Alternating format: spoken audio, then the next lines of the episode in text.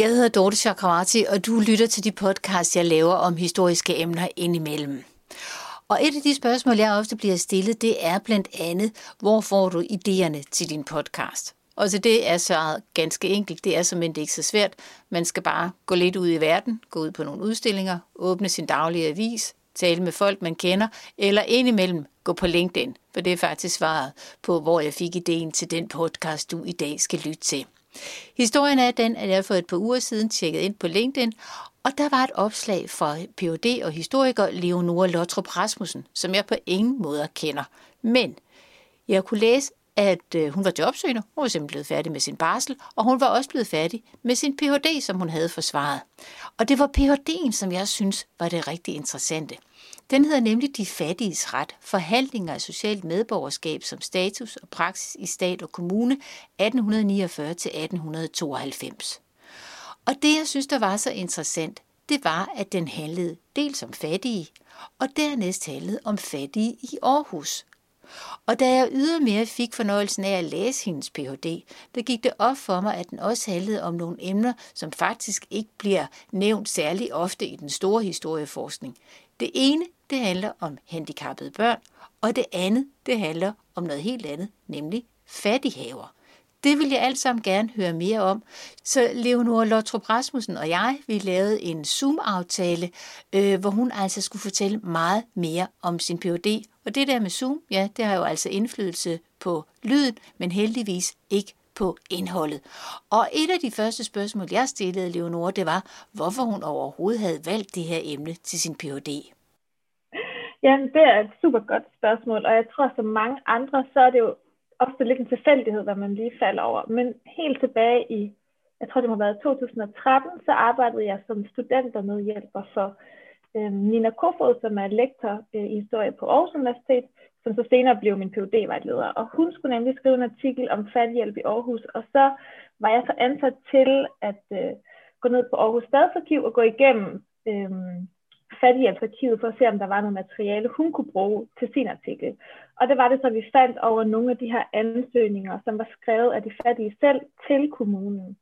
Og det er bare et ret sjældent materiale at have, fordi som jeg tror, du også ved som historiker, altså der er bare så få kilder, som er skrevet af den del af samfundet, altså dem, der tilhører den nederste del af samfundet.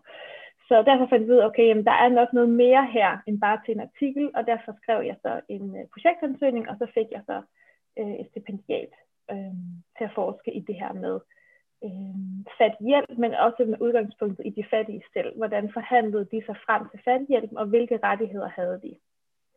Og om lidt så får du lov til at tale mere om de her fattige, så det lige præcis ikke bliver noget med, at vi taler om det, men vi faktisk også næsten lærer dem tale selv. Mm. Jeg skal bare lige have dig til allerførst for os, der ikke er helt kyndige, for det er også noget af det, der gør din PhD ret interessant. Det er jo det her med, det er Aarhus. For en gang skyld er det ikke København, vi skal høre om. Vi skal høre om Aarhus. Hvad er mm. Aarhus for en by i 1800-tallet, sådan socialt set, hvis man for eksempel er fattig? Ja, man kan sige, at mange af de tendenser, som vi ser i Aarhus, øh, er jo også nogle af dem, man ser i København. Og i dag, så tror jeg, at enhver stolt Aarhusianer vil sige, at Aarhus det er jo sådan en by i fremgang og i vækst.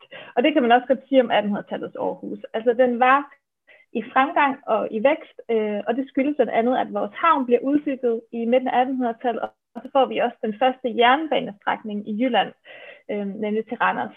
Så øh, det betyder også, at der kommer en del industri til byen, og det betyder, at der er en masse mennesker, som også flytter til byen for også at søge lykken her i, i Aarhus. Så der er rigtig mange tilflyttere, og mange af dem, som så også vælger at flytte til byen for at søge lykken, det kan man næsten regne ud. Det er også dem, som kommer fra øh, ikke den rigeste del af samfundet, men altså fra den nederste del af samfundet. Så der er en ret stor arbejderklasse i Aarhus, og mange, som er flyttet hertil.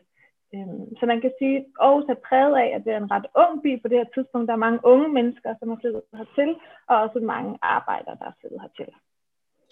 Og så er sagen jo den, uanset hvor vi befinder os på Danmarkskortet, når vi befinder os i 1800-tallet, og vi taler om de fattige, så er der jo mange dygtige forskere her i landet, der har beskæftiget sig med de private initiativer, netop filantropien. Det er jo ikke det, du arbejder med det du arbejder med, det er den offentlige forsørgelse, som vi vil kalde det i dag. Og hvad er det for en størrelse, der kommer i spil mm. af 1800-tallet? Ja, man kan sige, jeg synes, at den offentlige forsørgelse er enormt interessant at kigge på, fordi øh, den offentlige forsørgelse i 1800-tallet har fået et virkelig et ret dårligt ry, kan man sige, øh, i historieskrivningen. Og det er der en ret god grund til, at den har, fordi på det her tidspunkt, så det, at man får hjælp, øh, måske det, vi skal starte med på plads, det er, at alle i Danmark på det her tidspunkt rent faktisk har ret til at få hjælp af det offentlige, hvis de ikke kan forsørge sig selv eller sin familie. Så vi har en fattiglov af 1803, øh, som stadfæster den her ret, og den bliver så en grundlovssikret ret med den øh, grundlov, vi får i 1849, øh, som sikrer, at alle har simpelthen den her ret til at få øh, hjælp fra det offentlige. Men det, der også sker, det er, at hjælpen faktisk er forbundet til både en juridisk og en social stigmatisering og deklassering. Så op igennem 1800-tallet, der har vi fået en masse forskellige tillægslove, som gør, som, som øhm, hvad skal man sige, jamen, som, som griber ind i fattighjælpsmodtagerens retsstilling. Så blandt andet så mister fattighjælpsmodtagerne retten til at bestemme over deres egen ejendele, de bestem, mister retten til at bestemme, hvor de skal bo henne, retten til at bestemme over deres børn. Øh, fra 1824, så mister de faktisk også retten til frit at indgå i ægteskab. Det vil sige, at de skal spørge kommunen om lov, inden de kan gifte sig. Den regel bliver så senere lavet om i 1850'erne, så den kun gælder mandlige faldhjælpsmodtagere, men så er den altså også i kraft helt op til 1933. Og det, der så sker med grundloven, udover at den sikrer den her øh, sociale ret, så, øhm, så bliver fattighjælpsmodtagere også ekskluderet fra det politiske medborgerskab, altså de mister simpelthen retten til at stemme. Så på det her tidspunkt, så er offentlig fattighjælp altså forbundet til en juridisk deklarering, og derfor har historikere også beskrevet, hvordan fattighjælpsmodtagerne bliver en eller anden form for sådan anden klasses borgere i samfundet. Og udover det, så det, der bliver meget populært ude i kommunerne, og det er kommunerne, der har ansvaret for at forvalte fattighjælpen, det er fattigården. Og jeg tror, at de fleste af os har en, en eller anden forståelse for fattigården, og det er ikke en, et positivt billede, man har af det. Men altså i fattigården, den er jo virkelig forbundet med disciplin og med tvang, og fattighjælpsmodtagerne, dem der bliver lagt på fattigården, de bliver jo underlagt en anden form for, for kontrol for at få den her hjælp. Øhm, og det er jo derfor, vi har fået et, et noget negativt forståelse for, for 1800-tallets offentlige forsørgelse. Du sagde indledningsvis, at det materiale, du blandt andet har arbejdet med, det er de henvendelser, som kommunen modtager fra de fattige. Ret unikt materiale, kan man roligt sige. Hvad er det for nogle breve? Jamen, det er forskellige typer af breve. Dels så har jeg set på sådan nogle eftergivelseshenvendelser, hedder det. Altså det er fordi at på det her tidspunkt, så bliver fattighjælpen set som øhm, noget, man låner fra det offentlige. Så det vil sige, at man står i gæld, når man så har fået fattighjælp. Og det er det, man betaler sig med indgreb i sine rettigheder. Men hvis man betaler pengene tilbage, så kan man også få sine rettigheder tilbage. Så den mulighed havde fattighjælpsmodtagerne. Og for at få betalt eller for at få eftergivet den her gæld, hvis man ikke kunne betale den tilbage, så kunne man skrive et brev til kommunen, og nogle af de breve, de er gemt, og dem har jeg fundet frem Så de her eftergivelseshenvendelser. Så har jeg fundet forskellige henvendelser, som handler om, at man måske har været ansat i kommunen og gerne vil have en eller anden form for hjælp. Så det er sådan et uklassificeret form for henvendelse. Så har jeg fundet henvendelser fra forældre, som har et barn, som er fysisk eller psykisk handicappet, øh, og som gerne vil have hjælp, fordi de mener, det er uretfærdigt, at de mister deres rettigheder, fordi de har et barn med, med nogle særlige vanskeligheder. Så har jeg fundet ansøgninger til øh, fattighaver, og fattighaver er sådan en form for en form for nyttehave, men også lidt en tidlig form for en kolonihave, kan man sige, som øh, kunne tildeles fattige, uden at de mistede deres, øh, deres rettigheder. Um, så det er nogle af de øh, forskellige former for skriftlige henvendelser, jeg har kigget på. Og lige præcis de handicappede børn og de her øh, fattighaver, det er nogle emner, som jeg skal have dig til at fortælle lidt mere om, fordi det er nemlig rigtig interessant, det du skriver om de her ting.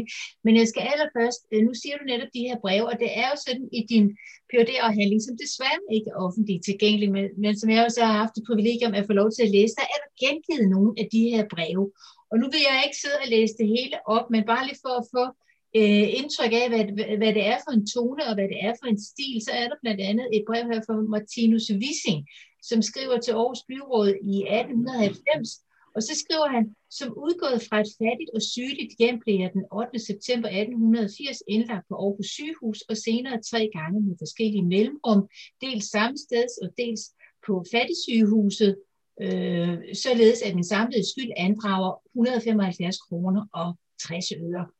Den første gang, jeg faldt den, det offentlige til byrde, var jeg, øh, der var jeg kun 18 år, øh, 19 år gammel, og jeg havde dengang ikke begreb om, øh, hverken at, øh, og jeg havde dengang ikke begreb om, hverken at jeg havde en moralsk forpligtelse til at betale, tilbagebetale sygepengene, eller at jeg ved ikke at gøre det mistede almindelige menneskelige rettigheder. Altså, og så fortsætter han ud og fortæller om sin sygdom, og det er relativt langt brev. Det er jo skrevet i et meget formfuldt dansk, vil jeg bare lige sige. Øh, ja. Hvad er det her for et brev, som den her maskinarbejder, Martinus Wissing, skriver ind? Hvad, hvad skriver til kommunen? Hvad fortæller det dig? Jamen, jeg synes, det fortæller flere forskellige ting. For det første synes jeg, det fortæller, at fattighjælpsmodtagerne øhm, ikke sådan passivt bare underlæser den her juridiske og sociale stigmatisering, som fattigloven øhm, øh, lagde grundlag for, men at de faktisk formåede at forhandle deres position lidt. Så hvis man ser lidt nærmere på hans brev, så det, det er jo en helt livshistorie, kan man sige, han kommer med her, til, som han fremlægger over for kommunen. Og i den livshistorie, så positionerer han sig selv som en, der uforskyldt er havnet i fattigdom. Altså han kommer fra et fattigt hjem, han har været syg, han var ret ung, da han blev syg, og han vidste slet ikke, at det, at han ville få hjælp fra kommunen, gjorde, at han mistede rettighederne, eller han overhovedet skulle betale dem tilbage.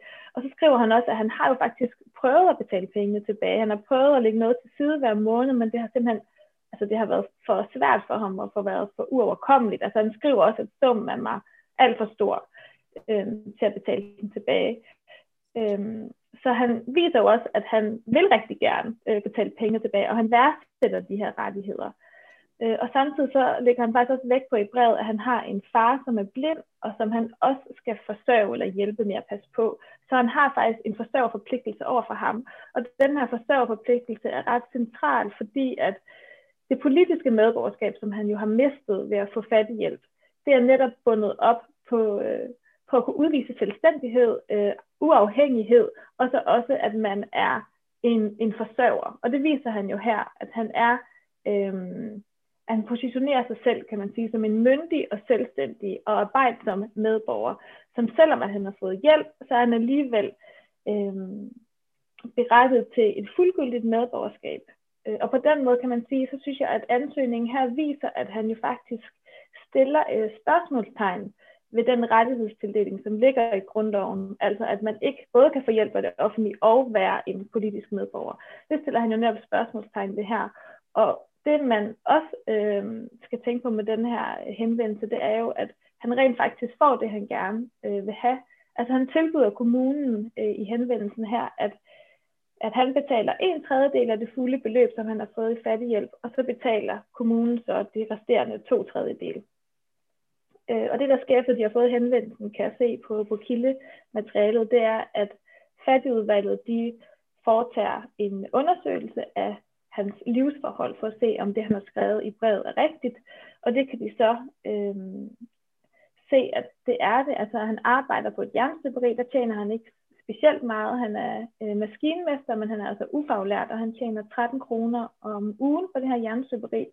Og så er det rigtigt nok, at han har en syg far, som han skal tage sig af, og de indhenter faktisk lægeerklæringer, som så viser, at han er sygelig, øhm, og derfor så også familie har svært ved at betale penge tilbage. Så de går simpelthen med på, at hvis han betaler en tredjedel, så betaler de to tredjedel, og så får han altså sine rettigheder tilbage. Og så skal man jo også lige lægge mærke til med den her henvendelse, han er 29 år gammel på det tidspunkt, da han skriver den. Og øhm, ifølge grundloven fra 1849, så har alle mænd, der er 30 år og derover, de har altså retten til at stemme, hvis man altså opfylder de her krav omkring uafhængighed og selvstændighed. Så det kan jo også meget vel være grund til, at han overhovedet skriver den her henvendelse øh, på lige på det her tidspunkt, fordi det er nogle år siden, han har modtaget fattighjælpen. Men det er, fordi han jo står på tærsklen til at få stemmeret, og det kunne man jo forestille sig, at det er også det, han gerne vil opnå med den her henvendelse det var maskinmesteren, og så er der jo de her børn, som du netop øh, tidligere lige nævnte ganske kort. Og det er jo, hvad skal man sige, det er jo en gruppe, ikke børn, men lige præcis handicappede børn. Det er jo en gruppe, som vi beskæftiger os alt, alt for lidt med i historieforskningen, også handicappede for så vidt, men nu er det altså lige børnene, der her er fokus på. Og øh, nogle af de breve, som du øh, har siddet og arbejdet med, der er jo fædre, der skriver ind til kommunen og taler om deres børn. I det her tilfælde er det en søn, som er i, hvad der står, en sørgelig sindstilstand. Og der er også en far, der beder om at øh, altså, have økonomisk hjælp, simpelthen fordi det er en økonomisk hård belastning for ham at betale penge til det, der hedder abnormanstalten. Intet mindre end det, abnormanstalten. Hvad er det for en social historie, du kan trække ud af de her henvendelser? Øhm, jeg synes, det, øhm, det viser lidt ligesom det, vi lige har snakket om med Martinus Wissing, netop at forældrene faktisk på en eller anden måde, i forhold til den her meget tidlige handicapforsørgelse, som vi har på det her tidspunkt i 1800-tallets Danmark, også er en eller anden form for drivkraft, fordi de henvender sig til kommunen, de stiller spørgsmålstegn ved den her manglende offentlige øh, indblanding. Isærligt, når det kommer til de her, øhm, altså det man kalder, det er jo forfærdeligt ord i dag, men det man kalder idiotiske børn og åndssvage børn. Så det er betegnelsen for, for, for, for gruppen på det her tidspunkt. Og det, øhm, der er utrolig lidt øh, statslig støtte til det her område. Der findes ikke nogen statslige anstalter, hvor de kan komme hen, hvis man skal have hjælp. Og hvis man så får dem hen på en privat anstalt, så skal man altså selv betale for det. Og hvis man ikke har råd til det, øhm, så er det, at man skal have barnet hjemme, og så bliver det jo også en stor øh, økonomisk belastning for familien. Og der kan man jo se på de her breve, at det er jo forældrene, som rent faktisk henvender sig til kommunen og siger, vi har behov for hjælp, og jeg har behov for hjælp, uden at det gør, at jeg ikke kan være en fuldgyldig medborger i landet. Øhm, og det, jeg har forsøgt at gøre i afhandlingen, det er også at se, jamen, hvordan spiller de her forhandlinger i kommunen sammen med nogle af de forhandlinger, vi har øh, på, på rigsdagen på det her tidspunkt, hvor man forhandler en ny fattiglov. Og der kan vi jo se, at man rent faktisk også, altså landets politikere er bevidste om, det er et problem, fordi de også kan se ude i kommunen, at forældrene stiller spørgsmålstegn ved det her. Så på den måde, så er det også noget, der giver genlyd længere op og presser på, for at vi får en lovgivning på det her område. Og så, og det er på grund af tiden, for vi kunne dykke meget, meget mere ned i, i alle de her emner, vi skal også lige runde de her fattighaver, fordi nu sagde du, at der er noget, noget, man virkelig kender, uanset næsten hvor lidt man kender til 1800-tallets historie og de fattige osv., så, så det det her med fattigårdene. Men er der noget, vi kender ret lidt til, til gengæld, så er det faktisk det her med fattighaverne. Hvad er det for nogle haver, og hvad, altså, hvad har de her haver overhovedet at gøre inden for social hjælp?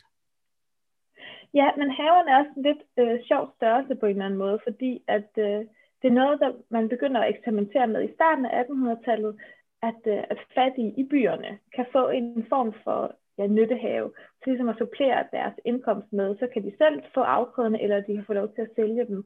Og det bliver så meget populært i Aarhus. Man anlægger flere og flere op igennem øh, 1800-tallet. Og de her haver, de henvender sig helt specifikt til øh, familiefædre. Øh, så de henvender sig til mænd med, øh, med mange børn, kan man sige. Øhm, og derfor kan vi også se i de ansøgninger, øhm, som er gemt, øhm, altså ansøgninger til fattighaver, at de fattige også meget, de fattige ligger også vægt her på i ansøgningerne, at de er familieforsørgere. Altså de skriver tit, hvor mange børn de har. Øhm, det kan være, at de arbejder sted, men de får ikke helt en, får ikke en særlig stor arbejdsfortjeneste, øhm, og kan ikke få det hele sådan, til at køre rundt. Øh, Øh, og der er det igen meget vigtigt, at de fremstiller sig selv. Ofte skriver de, at de er et ikke? at de er arbejdsomme, øhm, og at de lever et, øh, kan man sige, et, et liv, som ja, et liv, som borgerskabet gerne vil have, de lever. Altså, at de gør alt, hvad de kan, og deres fattigdom, ligesom også det var med tilfældet med Tinus Wissing, at deres fattigdom ikke er selvforskyldt, men den er, er uforskyldt. Øhm, og det, og den, der så får haverne, kan man sige, der, øh, ligesom det er på fattigården, så er der også en form for kontrol med haverne. Så de går faktisk ud, altså kommunen er ude og inspicerer haverne to gange om året for at tjekke, om man passer sin have øh, ordentligt, og man skal faktisk underskrive en kontrakt, når man får sin have. Og det er ikke, at man får for livstid, men man får den øh, i en periode, hvor man ligesom leger den, selvom man ikke skal betale nogen penge for den. Øh, og der skal man så opfylde nogle krav, kan man sige, som lejer. Og det handler meget om, at man skal øh, passe haven på en særlig måde. Så man kan sige, der er også et eller andet opdragelsesaspekt i de her fattighaver, øh, så man så også går ud og tjekker, om de rent faktisk øh, planter haven, som man gerne vil have, de planter den. Øh, og hvis man for eksempel er... Undskyld. Ja. Jeg, jeg bare vil spørge om, det er netop de her haver, er det for at sætte folk i sving, så, så de har noget fornuftigt at tage sig til i løbet af dagen, eller er det for, at de skal være selvforsynende? Jamen både og. Altså, de skriver, der, en af motivationerne er jo netop også, at man siger, jamen, hvis man nu er arbejdsløs, så har man også mange øh, fritimer, og det kan være dårligt for, for et mandlige forsørger, fordi så drikker han sig måske fuld og så videre. Så det kan være en god måde at bruge sin fritid på sammen med sine børn. De ligger også væk på, at man ligesom kan tage børnene med i haven og arbejde sammen med dem. Øh, og så samtidig så er det jo også kan man sige, en win-win på den måde, at de så også får den her øh, supplement til deres indkomst. Altså som jeg var godt ud fra, kan man sige, på det her tidspunkt, så er der jo reelt fattigdom i Danmark. Så det, en nyttehave kan bibringe med i sådan en, i fattig arbejderklassefamilie, det er også noget af betydning. Og så kan man sige, det som øh, min afhandling også viser, det er, at fattighaverne jo også var et socialt mødested. Altså det er ligesom kolonihaverne også er i dag. Altså at det også var et sted, hvor man drak en øl med sin øh, fattighave-nabo om søndagen, og der var også nogen, der havde sådan nogle små lysthuse på deres haver og så videre. Så det har også været et fristed for dem at have. Til allersidst, Leonora, øh, din afhandling den slutter i 1892. Hvad sker der der? Jamen det, der sker i både i 1892, men sådan set også i 1891, det er, at vi får nogle sociale reformer. Så i 1891, så får vi endelig revideret fattigloven. Så i op gennem hele 1800-tallet, så har vi haft den samme fattiglov fra 1803.